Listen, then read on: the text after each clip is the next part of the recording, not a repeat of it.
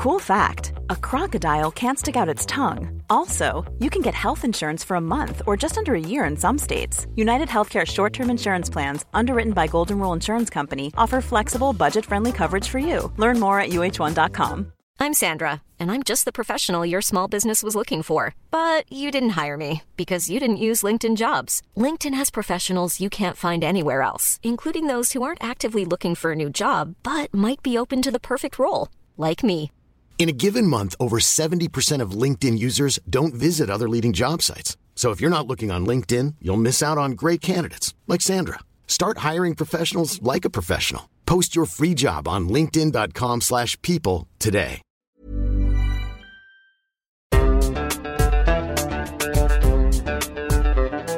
بودكاست صوت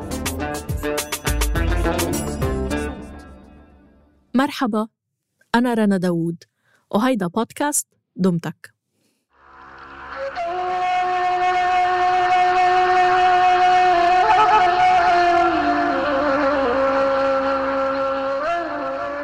الكويت 1980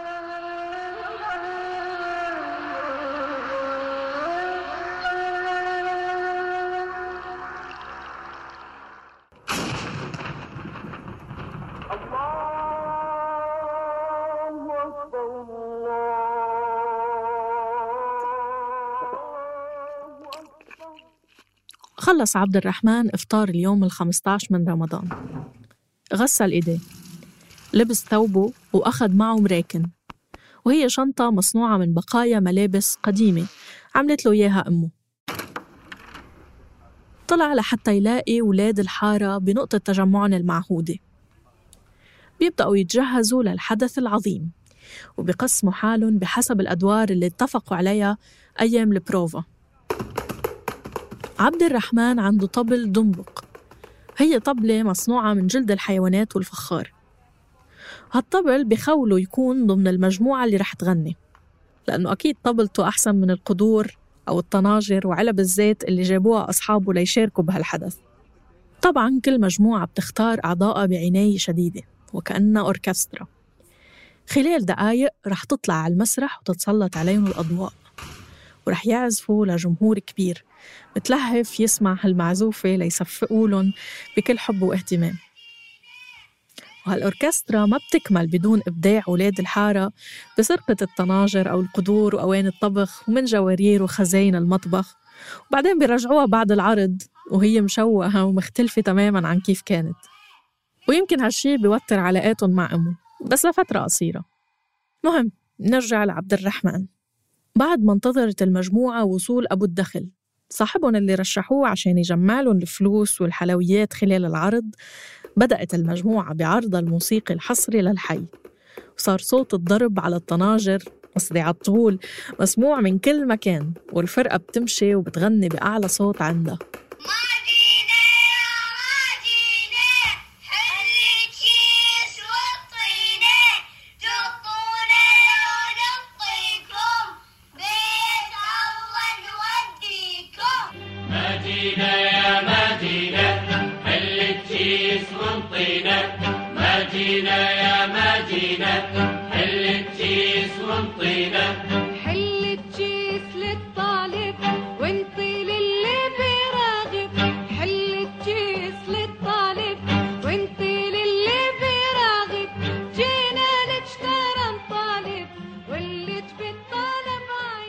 ولحتى الفرقة تجذب اهتمام أهل البيت كانوا يقولوا الله يخلي ويقولوا اسم حدا من أصحاب البيت. ولو تأخر أهل البيت بالرد على الأطفال بيقولوا لهم يا أهل السطوح طنطونا للروح وفي حال رفض أهل البيت إعطائهم أي حلوى أو فلوس بيقولوا الأطفال بيت أهل الفقر ذبوا علينا الماي بيت أهل الفقر رشوا علينا الماي.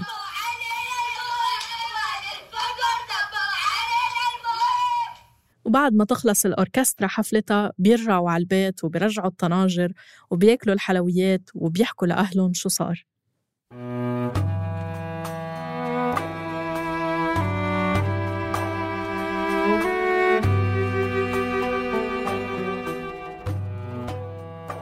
مرحبا فيكم بسلسلة دمتك الرمضانية. اليوم رح نحكي عن موسيقى مرتبطة بمناسبة عزيزة على قلوب الصغار قبل الكبار. بمنطقة الخليج والعراق. تختلف التسميات والمواعيد بين منتصف شعبان ومنتصف رمضان. قرقعان أو قرقعون أو قرنقعو أو قرنقشو أو ناصفة أو حق الليلة أو سيدي شاهن.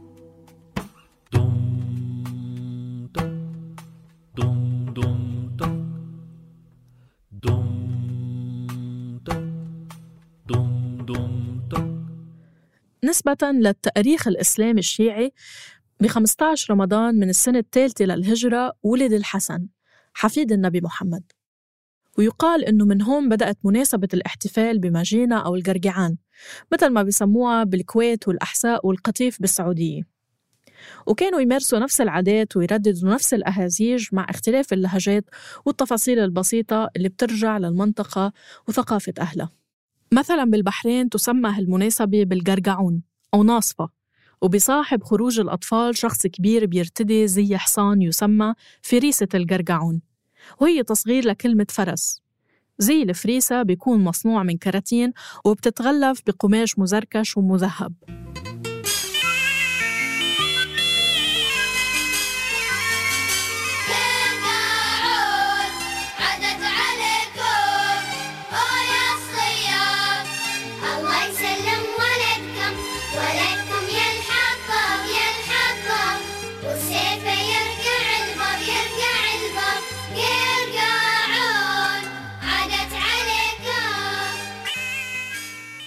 في قطر فبيسموه قرنقعو وبعمان بيسموه قرنقشو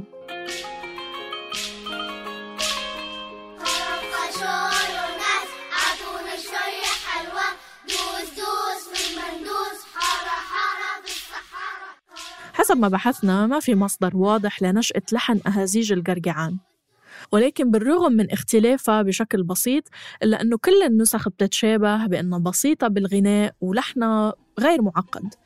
بيكون سهل على الأطفال يحفظوه ويرددوه. ومن أقدم النسخ المسجلة لأغنية قرقعان بالستينيات بترجع للمطرب الكويتي الشعبي إبراهيم حسن اللي أضاف لمسته الخاصة بالتسجيل.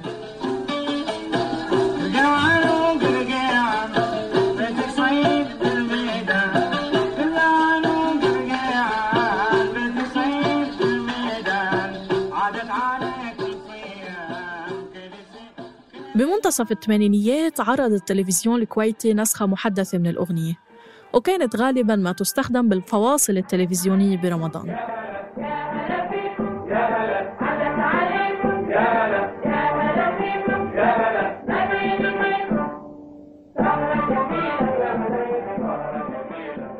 بالمقابل بمناطق مثل الإمارات وغرب السعودية بالحجاز بيحتفلوا أهلها بشي مشابه ولكن ب 15 شعبان. بسموه أهل الإمارات حق الليلة. وبالحجاز وبشكل أخص بالمدينة المنورة بسموه سيدي شاهن أو سيدي شاهين. سيدي بيت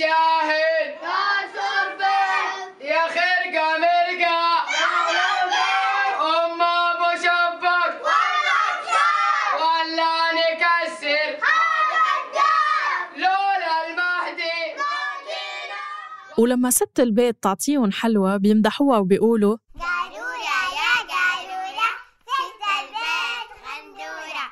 وفي حال أصحاب البيت ما تجاوبوا مع الأطفال بيقولوا لهم كبريتة يا كبريتة ست البيت كبريتة. وغيرها من أساليب الذم بنفس السياق.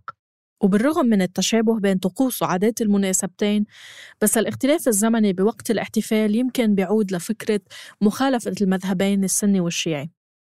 وبفترة من الفترات كثرت الفتاوى حول جواز الاحتفال بالقرقعان وتراجعت فئة من الناس عن الاحتفال فيه لأنه بدعة. بمطلع الألفية الثالثة تراجعت مظاهر الاحتفال بهالمناسبة وصارت محصورة بأحياء معينة. والبعض طورها لتكون معاصرة أكتر ويمكن تسلعت وصار ينباع بضاعة مخصصة لإلها مثل الحلويات والأكياس الجاهزة اللي بتكون مغلفة بدل ما تكون صناعة منزلية.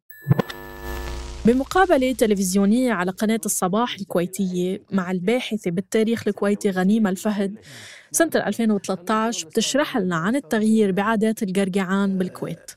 قرقيعان قبل لها طعم وله يعني تحسين ان إن يعني أهل البيت تعبانين عليه. له بهجة. له بهجة. ولا هو نفسه ترى. الآن قاعد نشوف العجب العجاب في القرقيعان قرقيعان 500 دينار إيه. قرقيعان ب 1000 دينار إيه، إيه. وقرقيعان عليه صورة الطفل وقرقيعان عليه مدري شنو الآن ظاهر القرقيعان ما عادت للاستمتاع والوناسة والجمع أصبحت للتباهي يعني قرقيعان عزوز غير قرقيعان. حمود قرقيعان صلوح آه، أغلى من قرقيعان حمود فبالتالي ليش صار عندنا هالأمر هذا؟ أنا أقول لك ليش إحنا قبل وأنا وحدة لحقت على أنا بنت حولي وفريج حولي.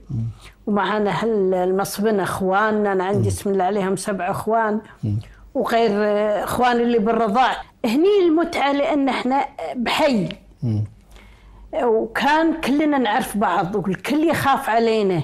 يعني حتى يا ويل إذا يانا من فريج ثاني يبي يوقفوا له الصبيان بالعصي. ما ما ما يقبلون إنه يدخل فريجنا. الآن ما نقدر إحنا فما عاد القرقيعان. فاتجهوا حلوة ترى. أنا يعني الحمد لله الخير وايد لكن أجمل ما فيه إن يعني بناتي أنا الآن وحافظوا على القرقيعان. يعني بناتي ما قرقعوا كنت أخاف عليهم ما أخليهم يروحون. أنا آخر واحدة قرقعت في الفريج. بس بناتي لا. الآن البنات اللي تزوجوا قاموا يسوون القرقيعان وصار عندهم نوع من الذوق وصار عندهم نوع من التطور. الناس تتقدم ما ترد قري يعني لو صديقنا عبد الرحمن كان عايش بهالفترة كان لبس أواعيه ليتحضر للعشاء اللي رح ينجمع فيه كل أطفال العيلة ورح يغنوا أغاني قرقعان ورح يلاقي نساء العيلة لابسين الجلابيات وكاشخين بأبها حلة. بعد ما جهزوا التوزيعات أو تباتيك بزينة قد تكون كلفت أكثر من تكلفة الحلوى والهدايا اللي بداخلها. وصار هالشي نوعا ما ترند نشرته الطبقة المتوسطة بآخر كم سنة. مع إنه العادة تحولت واختلفت طرق الاحتفال فيها بس حاليا أهازيجها حاضرة عبر إعلانات شهر رمضان اللي بتقدمها غالبا شركات الإعلانات كطريقة للتقرب الثقافي مع الجمهور المستهدف.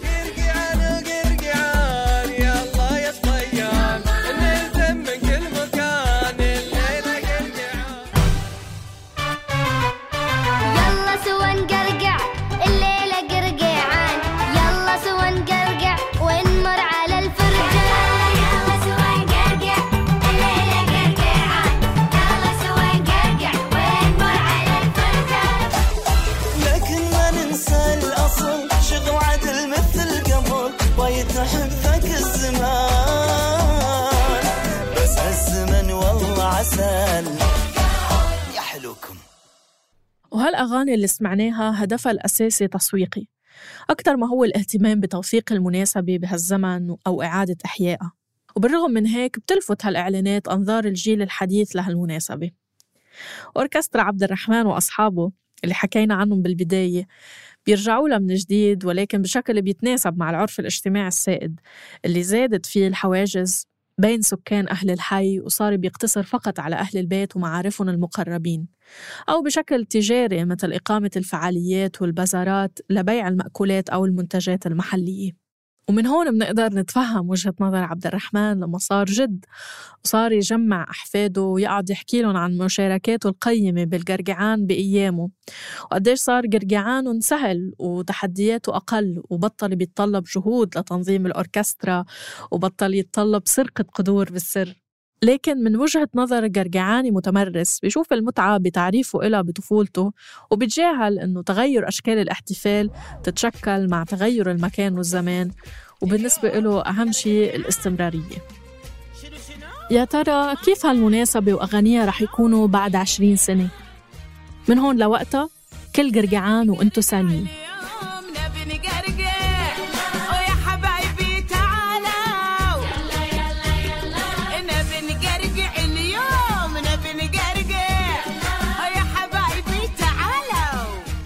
هاي الحلقة بحث وكتابة جمانة زاهد وسوزان أبو الخير. تحرير صابرين طه وإخراج صوتي تيسير قباني. النشر والترويج مرام النبالي وبيان حبيب. كنت معكم بالمتابعة والتقديم أنا رنا داوود. سامحوني لو ما أصبت لفظ بعض الكلمات الخليجية. إذا حابين تسمعوا حلقات دمتك الرمضانية تأكدوا أنكم تشتركوا أو تعملوا subscribe بقناة دمتك على أي تطبيق عم تسمعونا هلأ عبره دمتك من إنتاج صوت.